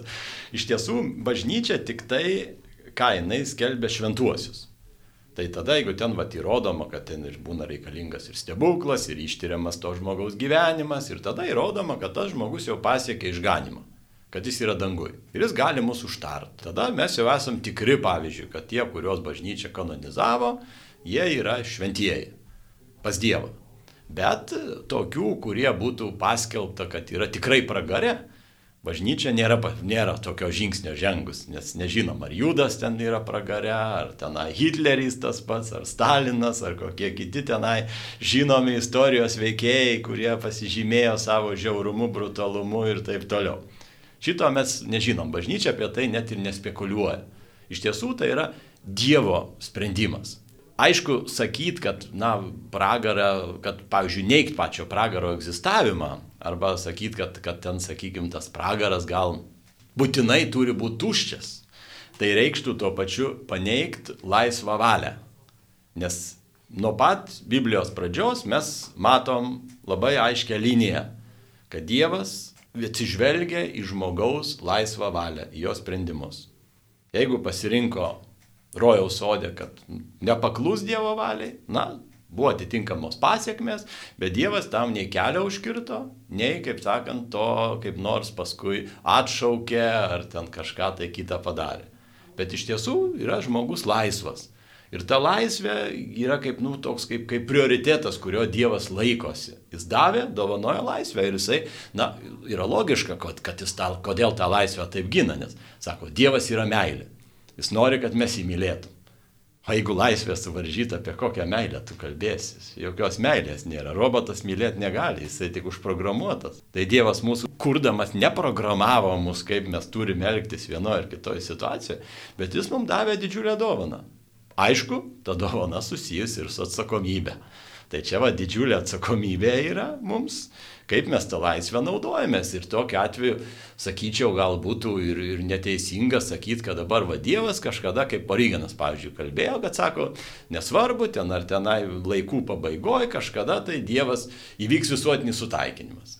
Tai reiškia ir demonai tenai papuls į amžiną gyvenimą, nu jie bus perkeisti, vėl taps gerais angelais ir tie visi bedieviai, kurie arba ten neigiantys Dievo buvimą, kovojantys prieš jį, irgi bus išgelbėti. Galutiniam variantui. Bažnyčia tokį sprendim, tokią nuomonę yra, yra atmetusi. Ir netgi yra paskelbta kaip dogma, kad iš tiesų NATO nebus tokio kaip visuotinio sutaikinimo laikų pabaigoje. Čia beros kunigas Sigitas čia buvo minėjęs, kad tai būtų buvo. Taip, čia yra iš antro Konstantinopolio susirinkimo 553-aisiais yra net aiškiai parašyta, jei kas sako ar mano, kad Kristus viešpats ateityje bus nukryžiuotas už demonus, kaip už žmonės te būna atskirtas, jeigu kas nors galvoja, kad Kristus viešpats ateityje, ja, tai paskui, jeigu kas sako ar mano, kad demonų ir bedievių bausmė yra tik laikina ir vieną dieną baigsis, o demonai ir bedieviai bus e, na, išteisinti, prikelti, te būna atskirtas, te būna anatema, kaip sako susirinkimas, tai žodžiu, paneigia, kad e, Jėzus numirė už demonus ir kad e, demonai ir bedievių bausmė pragarė yra laikina. Va šitą aiškiai bažnyčia. Tai va, tai, va, tai tokia atveju vis tiek yra, nu, čia yra toks kaip dogminis sprendimas, aiškus dogminis sprendimas ir, ir tokiu atveju vėlgi aišku, ten mes galim viltis ir tikėtis ir norėt, kad pragaras būtų tuščias. Tai yra visai normalu, bet mes tiksliai žinot, nes tai yra slėpinys, tikėjimo slėpinys. Mes savo tikėjime remiamės kuo? Apreiškimu. Tai nėra, kai mes ką mes išmastom, sugalvojam, tikėjimas nėra mūsų nuomonių dalykas. Čia sakyt, mano nuomonė tokia ir tokia ir čia taip yra. Taip nėra, iš tiesų mes remiamės apreiškimu, nes Dievo mes protų perpras negalim, mes galime tik sužinoti, na, per jo, kiek jis pats mums yra save atskleidęs. Ir apreiškime, na, vėlgi mes matom, kad, pavyzdžiui, irgi kalbama, kad apie tuos pasmerktuosius, pavyzdžiui, paskutinio teismo scena, kur Jėzus mato beros 24 skyrius, kur kalba tenai, va, tuos, va, penktas, atrods, penktas. Tai va, tai ir tenai faktiškai yra tie, va, atskiriami ožiai nuo avių ir tada ten vieniems sako, eikite amžiną pasmerkimą, kuris parengtas nuo pasaulio sukūrimo. Tai reiškia, jisai, kai dar buvo kūriama, jisai dar neegzistavo, bet tik tai su nuopoliu įvyko tasai pragaro atsiradimas. Dievas ne, ne, nenorėjo, kad žmogus papultų į pragarą. Ir ko gero jisai ir būdamas absoliučia tobulą meilę ir nesidžiaugia, kad žmogus ten papuola. Bet jisai, antra vertus, na jisai, mes, kiek mums liūdija prieškimas, jis visada atsižvelgia į žmogaus laisvą valią ir neverčia jo būti vienaip ar kitaip. Ir jeigu tas žmogus, kuris yra nusiteikęs prieš Dievą, dabar bus priverstas būti jo artumoji, nu tai tokiu atveju gal jam irgi tai bus tik bausmė, nebus, nebus dangaus palaima. Tai vėlgi čia kokia žmogaus yra nuostata, jo sielos nuostata. Tai čia tie svarstyti galima labai įvairiai, galima viltis ir tai žinomas teologas Baltazaras savo laiku tokią viltį sakė, kad pragaras tuščias yra. Bet tai tik viltį mes vilėmės, galbūt taip gali būti, kaip ir popiežius pasakė bet jokių būdų jisai čia ne, neįvardyjo, ar tikrai taip yra, ar ne. Čia yra jo tik tai tam tikra troškimas. Taip, mes taip, linkime gerų ir taip, trokštame, taip, kad žmonių nebūtų pragarę. Taip, taip, taip, mes to trokštam, bet šiaip taip. kaip ten iš tiesų yra, mes ne vienas nežinom, nes apreiškime to nėra atskleista. O iš kitur mes, na, tokios informacijos gauti negalim. Bet aišku, Dievas duoda vat, per per šventuosius, per privačius apreiškimus tam tikrų dalykų ir ypatingai visi turbūt žinom ir Fatimai, kaip mergelė Marija anot regėtų yra sakiusi, kad daugiausia žmonių po mirties patenka į skaistyklą, mažiau į pragarą ir tik visai mažai į dangų ir va būtent ir prašė melstis, kad žmonės, sakė, kad žmonės, daug žmonių patenka į pragarą, nes niekas už juos nesimeldžia ir nesiaukoja. Nu, va reiškia, kad Jėzus už juos numirė, jie nepriima Jėzaus, yra, na, piktosios dvasios supančioti ar apgauti bet mes galime atnešti jiems, na, paliudyti tą Dievo meilę, galime melsis už juos atlaisvinti iš piktosios dvasios, prašyti savo maldą. Ir, pavyzdžiui, Teresė Vilietė man labai įstrigo jos mintis, jinai sako, kad Dievas man parodė pragarą ir aš ten daugiausia mačiau tokių sielų, kurios netikėjo pragaro egzistavimo. Mm. Tai turbūt vis tiek svarbu yra nu, neatsipalaiduoti per daug. Čia net viena iš nuodėmų prieš šventąją dvasių rušių, tas perdėtas pasitikėjimas Dievo gailestingumu. Nu, kad Dievas už nieką, net ir darant, neatsižadant nuodėmę, man dovanos išgelbėjimą, arba Šventoji Faustina irgi liūdėjo, sako, kad aš liūdėjau, kad Dievas man parodė pragarą, kad jisai tikrai egzistuoja. Ir reiškia, kad mes, mums baimė padeda išvengti nuodėmių, va kaip Dievo baimės yra dovana, taip ir atlygio troškimas taip pat padeda siekti amžino gyvenimo, bet jau tobulumas, meilės tobulumas, jau tada galima sakyti, na aš jau tada nebijau, nesiekiau atlygio, bet vien tik iš meilės. Bet kol aš dar nesu netobulas, man reikia ir tos baimės, ir to atlygio siekio. Ir va čia dar šiek tiek papildysiu apie Augustinas, apie tą origeno požiūrį, kuris buvo vadinamas universalizmu. Na, jisai rašo taip. Augustinas dar jau prieš tą Konstantinopolio antrąjį susirinkimą, kuris pasmerkė tą origino požiūrį, rašo, suprantu, kad dabar turiu diskutuoti su tais gailestingais krikščionimis, kurie atsisako tikėti, kad pragaro bausmė bus amžina. Šiuo klausimu labiausiai užjaučiantis buvo Origenas, kuris tikėjo, kad pats velnės ir jo angelai bus išgelbėti nuo kančių ir įtraukti į šventųjų angelų būrį. Tačiau bažnyčia atmetė Origeno mokymą, argi nekvailystė manyti, kad amžinoji bausmė reiškia tik ilgai trunkančią ugnį, neamžiną ugnį, o tikėti, kad amžinasis gyvenimas yra gyvenimas be pabaigos. Nu, kitaip sakant, tikėti, kad dangus yra be pabaigos, o pragaras yra sulaikinas. Taip. Ir, ir va čia irgi būtent kuo skiriasi Baltazaro požiūris, kaip ir minėjom, kad tai nėra tas pats universalizmas Origeno, kuris yra griežtai bažnyčios atmestas, bet Baltazaras tiesiog išreiškia viltį kaip troškimą. Va, viltis yra sunkiai pasiekimo gėrio troškimas. Tai mes trokštame, kad pragaras būtų tuščias, bet e, ko gero taip nėra. Taip, taip, taip nes, na, iš tiesų tokio kaip išganimo automatizmo jo neegzistuoja. Vėlgi, tai būtų toks supratimas priešingas apreiškimui. Beje, na, dėl tų privačių apreiškimų, vėlgi jie, kaip moko bažnyčia, jie nėra papildymas turimo prieiškimo. Yra tik tai gal tam tikrų dalykų paaiškinimas, išplėtojimas, jau labiau, kada pasižiūri ten tavo tuos tekstus, matai, kad tos vizijos, e, jos dažnai būna sąlygotos ir nulemtos e, daugiau tokių ano meto ir kultūrų, tokio supratimo, yra, kaip sakant, ano meto supratimo rėmose tas pristatoma, kaip vat, buvo tas įsivaizduojama, tai daug maž ir tie regėtojai tą vat, matė. Tai čia vėlgi, nu, sakykime, prieškimo nepapildo, bet gal, sakykime, atkreipia dėmesį kai kuriuos vat, aktualius tam laikmečiui dalykus. Tai, Tai gal čia vien tuo mokymą, aišku, nepastatysi remiantis e, ant privačių apreiškimų, bet, nu, gal čia tam tikras paskatinimas susimastyti, ką, va, irgi, va, ir Fatima, ir kur kitur Marija, kaip tik mus norėjo tiesiog, va, nu, pažadinti, paskatinti, kad vis labiau atsiverti tikėjimui.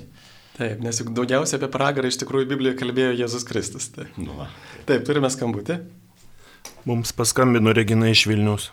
Klausome jūsų. Garbėjai Kristui. Per amžius? Dabar aš noriu, sakė labai trumpai. Tarkim, nuo Lietuvos vienam kampe, tarkim, mažo, iš provincijos, ten mano gimnačiai gyvena, jie, reiškia, pasakoja, kad, tarkim, apie kalėdojimą norėčiau pasakyti. Jie, reiškia, nusprendė vienus kaimus ten ar nusprendė taip, kad, reiškia, kad kunigas nevargtų, surinksim pinigėlius ir perduosim ir, ir tas kalėdojimas. Reiškia, aš kalėdojimą kitaip suprantu, aš iš savo labai tolimos vaikystės mes labai laukdavom, kad kalėdojimas ne tik tai yra pinigų surinkimas, kunigas aplanko namus, palaimino tos namus. Nu, savo aplankimu, manyčiau, jo palaimino tos namus. Tai man toks, nežinau, ar klausimas, aš norėčiau, kad kad tie žmonės galbūt išgirstų. Jų, jūs pasakykite savo nuomonę. Argi tik tai pinigai e, svarbu? Ačiū už klausimą. Jūs manot teisingai. Iš tiesų, kalėdojimas čia mūsų laikais gal dažnai iškreiptai suvokiamas, kad štai ateis kunigas tik tai, kad, nu, pasipinigaut. Žodžiu, reikia tenai.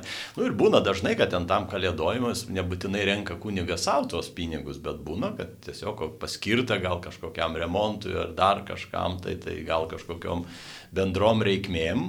Bet, bet iš tiesų kalėdojimo tikslas nėra tai, kad čia vat, dar papildomai gaut kažkokiu tai lėšų.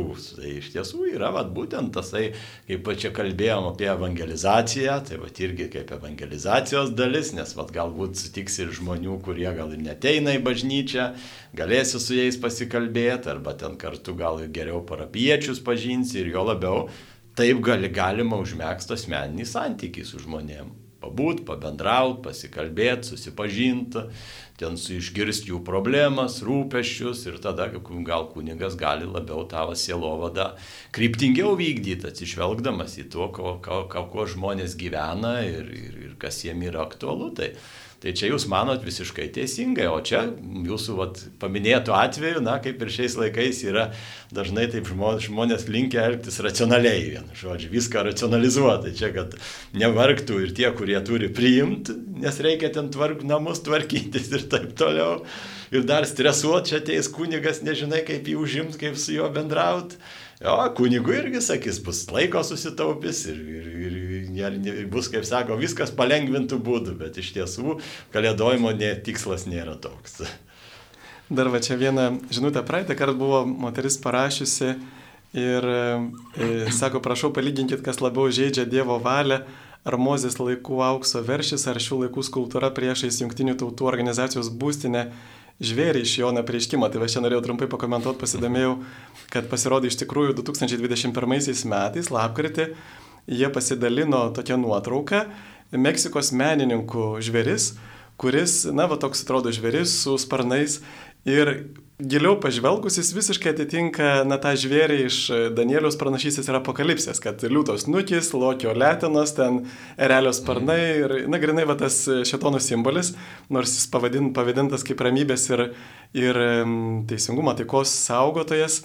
Bet e, matytai sukėlė didžiulį pasipiktinimą žmonių visame pasaulyje, tikrai irgi kilo tam tikra audra ir radau tokią žinutę internete, kad jau 2023 metais tas žvėris buvo pašalintas mm. nuo tenais. Tai na, negaliu tiksliai paliūdyti, bet va toks įdomus dalykas, kad menininkai pradiškai tikrai sėmėsi įkvėpimo iš e, demono įvaizdžio e, ir, ir prieš jungtinių tautų būstinę pastatė tokį, tokią skulptūrą, bet jos jau turėtų nebebūti tenais. Taip, ar dar turime, taip, dar turime irgi žinutę. Aurimas klausia, garbė Jėzui Kristui, ar galima melstis su galvos apdangalu, pavyzdžiui, dviratininko šalmu ar su kepure, kai labai šalta? Klausiu, nes viename iš laiškų, čia turbūt turime galvoje Naujasis testamentas, sakoma, kad vyrai negali melstis prisidengę galvą. Mhm. Taip, taip, Paulius taip rašo iš tiesų, bet e, šiaip, kaip pasakyti, vėl, atėję į bažnyčią, be abejo, mes nusiemam galvos apdangalą.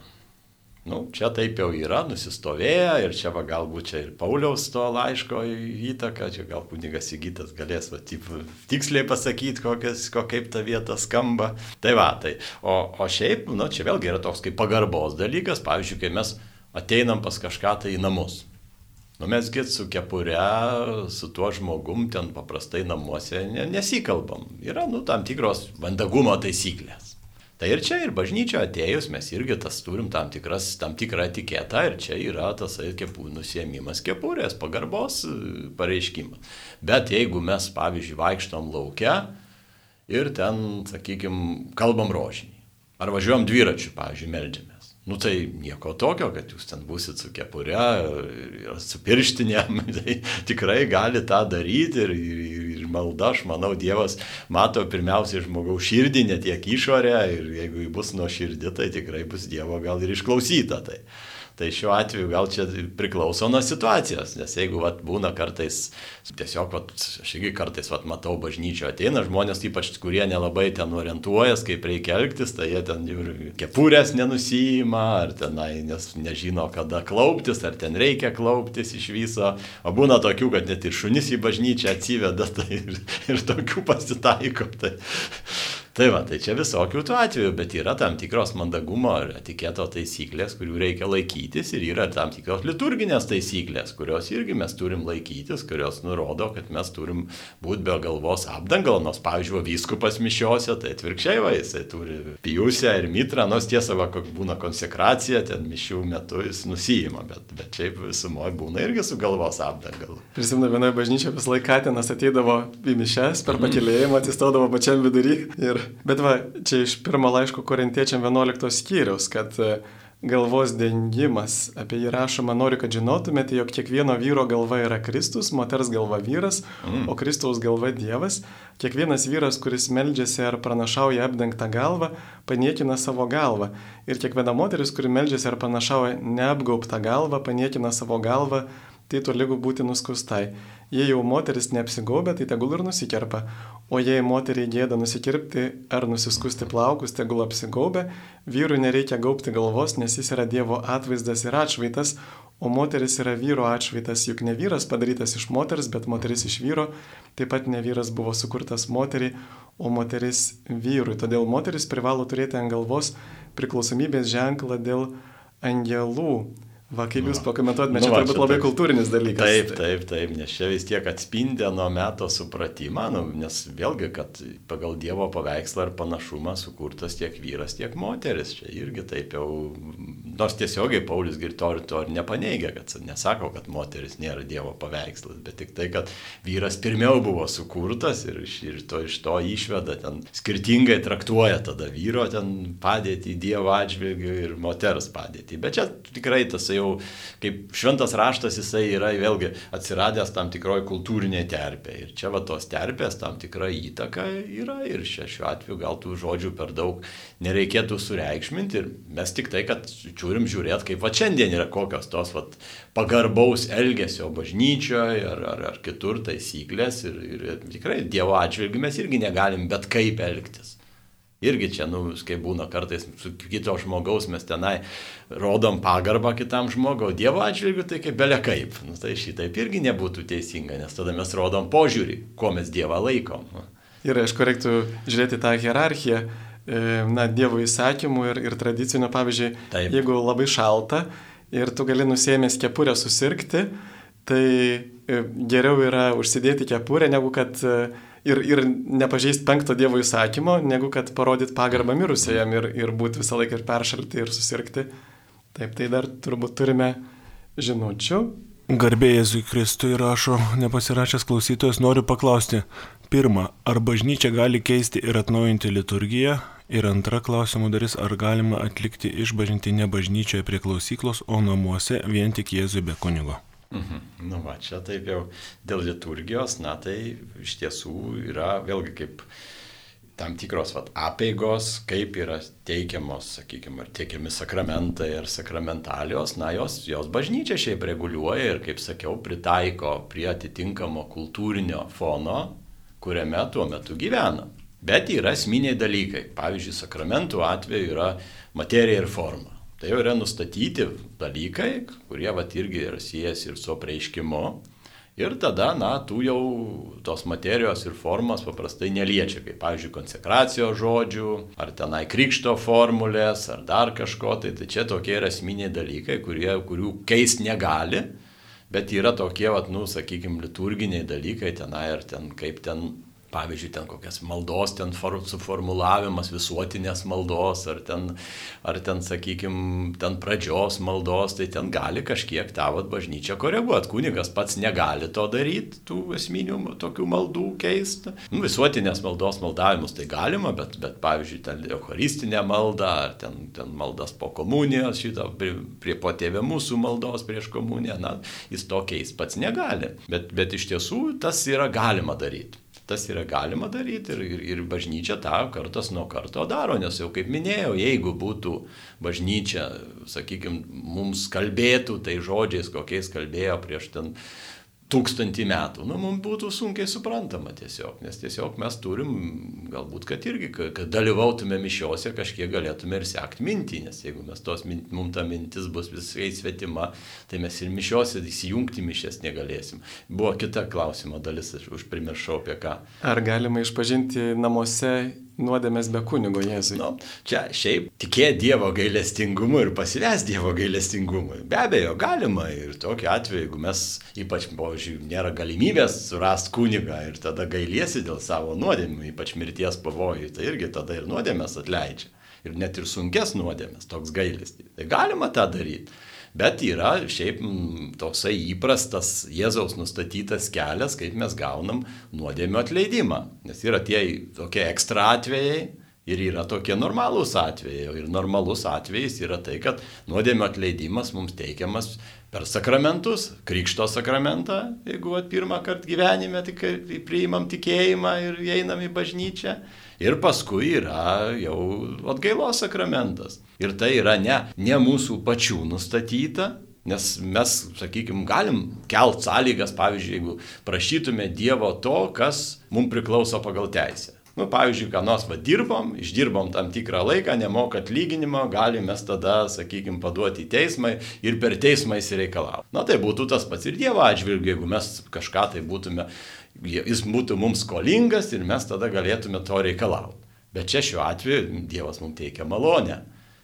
Dovana teikia ir tokiu atveju reikalau dovanos tokiu būdu, kaip aš noriu, arba pats nusistatau tą būdą, na yra mažų mažiausiai įžūlu. Tai yra mažų mažiausiai įžūlu, nes Dievas nustatė tą kelią, kaip jis nori mums atleisti nuodėmės, mes turim to kelio laikytis. Ekstra atvejais yra kitaip.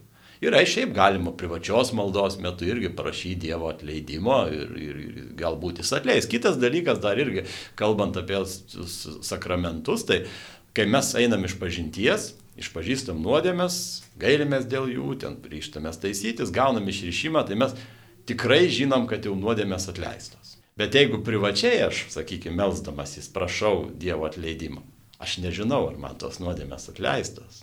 Gal atleistos, o gal ir ne. Tai yra, nu, kaip sakant, jokio tikrumo. Sakramentai mums suteikia tikrumą, tai yra tikras kelias. Nes Dievas nemeluoja. Jeigu sako, nuodėmės atleistos, jos iš tiesų yra atleistos. Jau tada nereikia galvoti, nadvėjoti, abejoti ir panašiai. Bet tokiu atveju, jeigu ten aš tik privačiai medžiuosi, nu aš to nežinau. Tai va šitoje vietoje visgi sakramentus jau gal taip ir racionaliai žiūrint yra geriau praktikuoti, negu kad ten privačiai vien tik tai kreiptis į Dievą. Tai tai ne šiaip savo jie yra įsteigti. Įsteigti, kad Dievas galėtų mus apdovanot, galėtų mums suteikti, palengvinti gyvenimą, ne kad apsunkint. Nes dažnai mes įsivaizduom, štai, o čia reikia bažnyčią atlikti išpažinti, nemalonus dalykas, bet iš tiesų tai mūsų labui. Ne Dievui to reikia, mums reikia. Juk ir pas gydytoją, kai nueinam, tai neslepiam lygų, bet bandom išpasakoti ir panašiai ir kunigas jis gali kartu ir dvasiškai palidėti ir, ir mūsų sąžinę padėti formuoti, nes turim visą gyvenimą formuoti sąžinę, stengtis, kad ji būtų teisinga ir kad e, vis tiek, kad gautum atleidimą, pavyzdžiui, prieš mirtį, vis tiek tas gailestis turi būti tobulas. Reiškia, aš gailiuosi ne todėl, kad e, bijau pragaro, bet todėl, kad įžeidžiau Dievo meilę. Nu, dėl jo gailiuosi, ne dėl savęs. Ir taip pat, jeigu yra sunki nuodėmė, vis tiek bažnyčia reikalauja, kad mes priimtume būtent tik per išpažinti atleidžiamą sunki nuodėmė. Ir tas kyla iš švento rašto, vad Jokūbo laiške penktame skyriuje parašyta, kad jei kas nors pas jūs serga, tek pasikviečia bažnyčios vyresniuosius. Ir tas žodis yra presbiteros, na, kaip kunigas, tas pats žodis vyresnysis. Ir jie tiesiog meldžia už jį, patepdami aliejumi viešpaties vardu, tikėjimo malda išgelbės ligonį ir viešpats jį pakels o jeigu jis būtų nusikaltęs, jam bus atleista. Tad išpažinkite vieni kitiems nuodėmės, neparašyta Dievui, bet išpažinkite vieni kitiems nuodėmės ir melskitės vieni už kitus, kad atgautumėte sveikatą. Nu, čia tik tai reikia pasakyti, tai, kad kalbam apie daugiau elgesį su ligoniais. Čia tie, kurie yra sunkioj lygoj, ir vat, kaip su jais reikia elgtis. Čia nekalbam apie vat, tą nuodėmės atleidimo, tą vat, tipinį atvejį, kada mes, sakykime, jaučiame, jaučiam sąžinės priekaištus, tai čia apie tai nekalbama. Čia kalbam apie būtent lygoje esantį žmogų. Taip. Gerai, čia. Turime skambutį. Mums paskambino Nijolė iš Lentvario. Taip, klausome. Garbė Jėzų Kristui. Per amžius. Žinokite, pasakykite, prašau, ką reiškia škaplierius ir kokia yra jo prasmė. Taip, ačiū. Na, škapleris tai yra mergelės Marijos globos ženklas. Ir e, kada jinai tarsi mus apgaubė ir kada mes jai pasišvenčiame, e, kada mes esame, na, jai, kaip pasakyti, jos nusavybė. Ir e, lenkiškai škaplež arba latiniškai skapularum tai yra tiesiog pečių apdangalas, o panašiai kaip vienuolių abitai būna tokie, kad vienuoliai va turi tokius ne tik, na, tokia didelį rūbą, bet ir dar tokį ant pilvo ir nugaros tokį medžiagos juostą. Ir tai yra e, katalikų sakramentalija, reiškia škaplierius ir jisai būtent yra kilęs, gal labiau taip praktikuojamas, maždaug buvo toksai Simonas Tokas, maždaug 13 amžiuje, gavo tokių privačių apreiškimų. Ir e, tai, žodžiu, tiesiog būdas e, pasakyti, va kaip ir minėjau, kad mes pasišvenčiame mergeliai Marijai, norime, kad jinai mus globotų ir tai yra irgi pašventintas dalykas, pašventintas, pašventintas sakramentalija.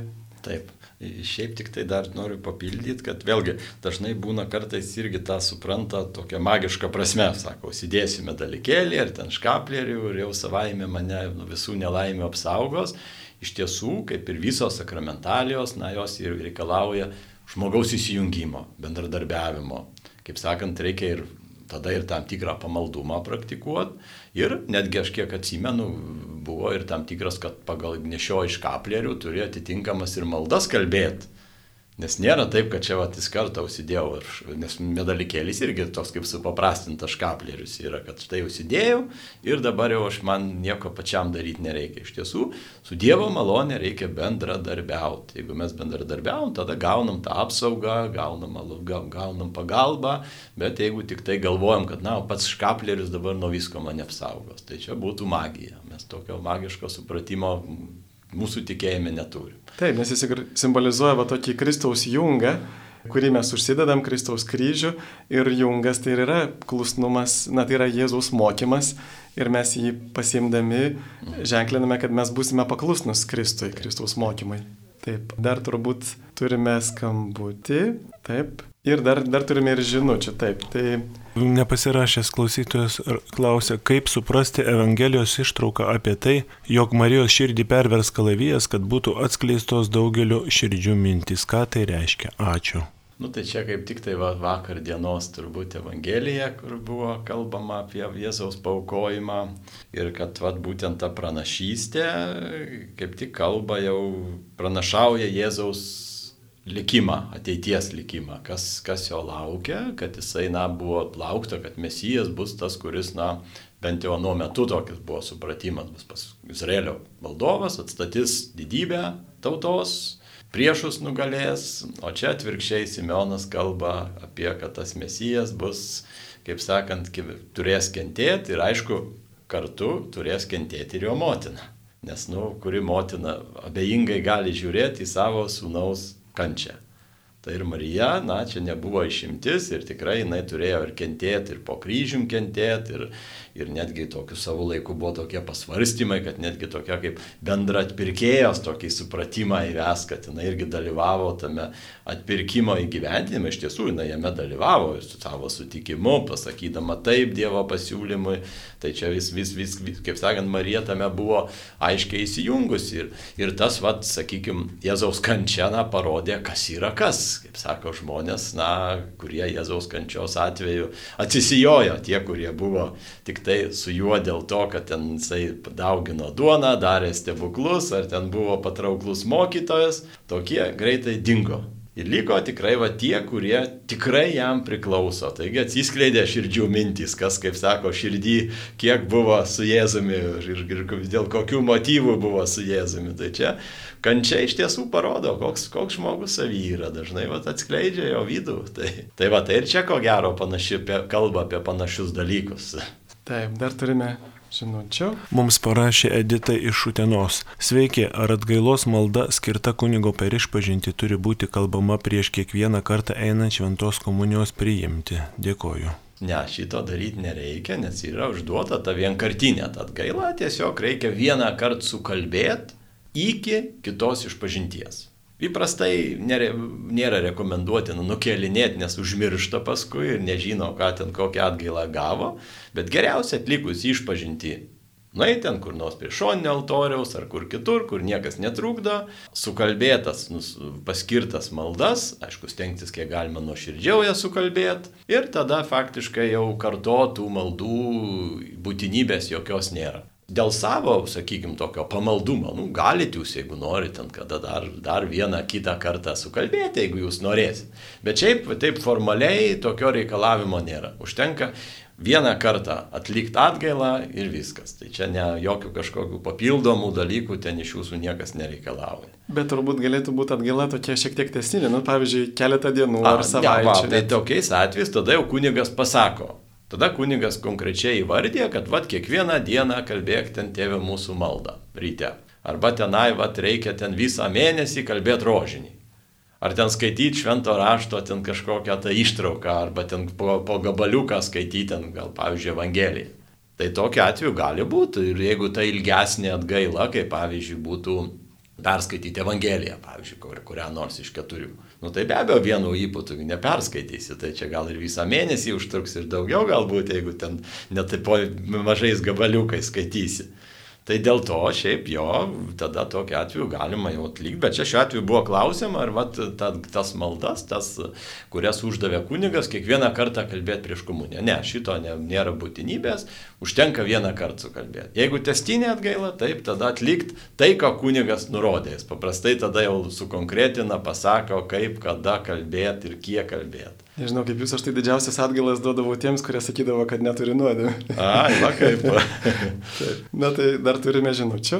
Mykolas iš Vilnius rašo, nesu praktikuojantis, bet kartais aplanko keistos patirtys. Dažnai Dievas per sapnus rodydavo mato ketvirtos skyriaus ketvirtą eilutę. Kokia bažnyčios interpretacija šios eilutės? Ten rašo, kad ne vien duona gyvas žmogus, bet ir iš Dievo lūpų sklindančių žodžių. Kaip čia suprasti?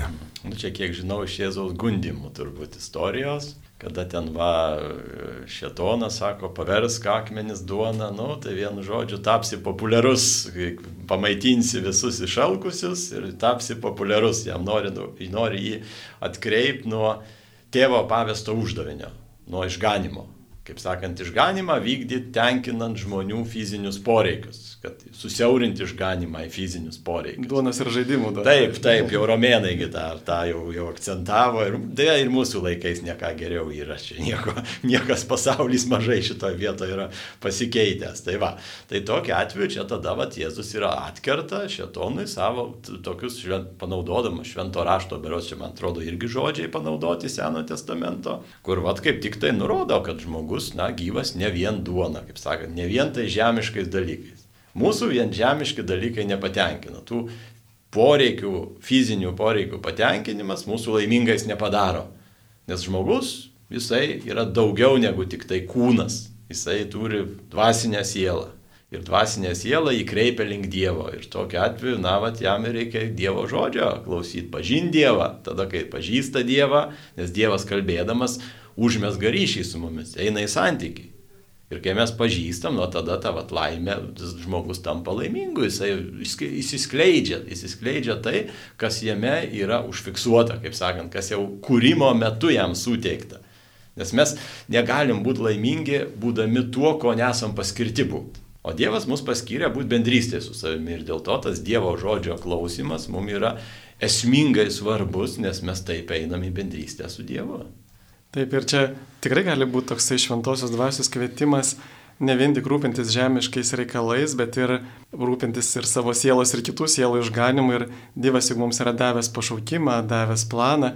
Ir kaip Jonas rašo irgi, kad nemylėkite pasaulį nei to, kas pasaulyje, jei kas myli pasaulį, nėra tame Dievo meilės, nes visa, kas pasaulyje, tai kūno geismas, akių geismas ir gyvenimo puikybė, praeina pasaulis ir jo geismai, o kas vykdo Dievo valią, tas išlieka per amžius.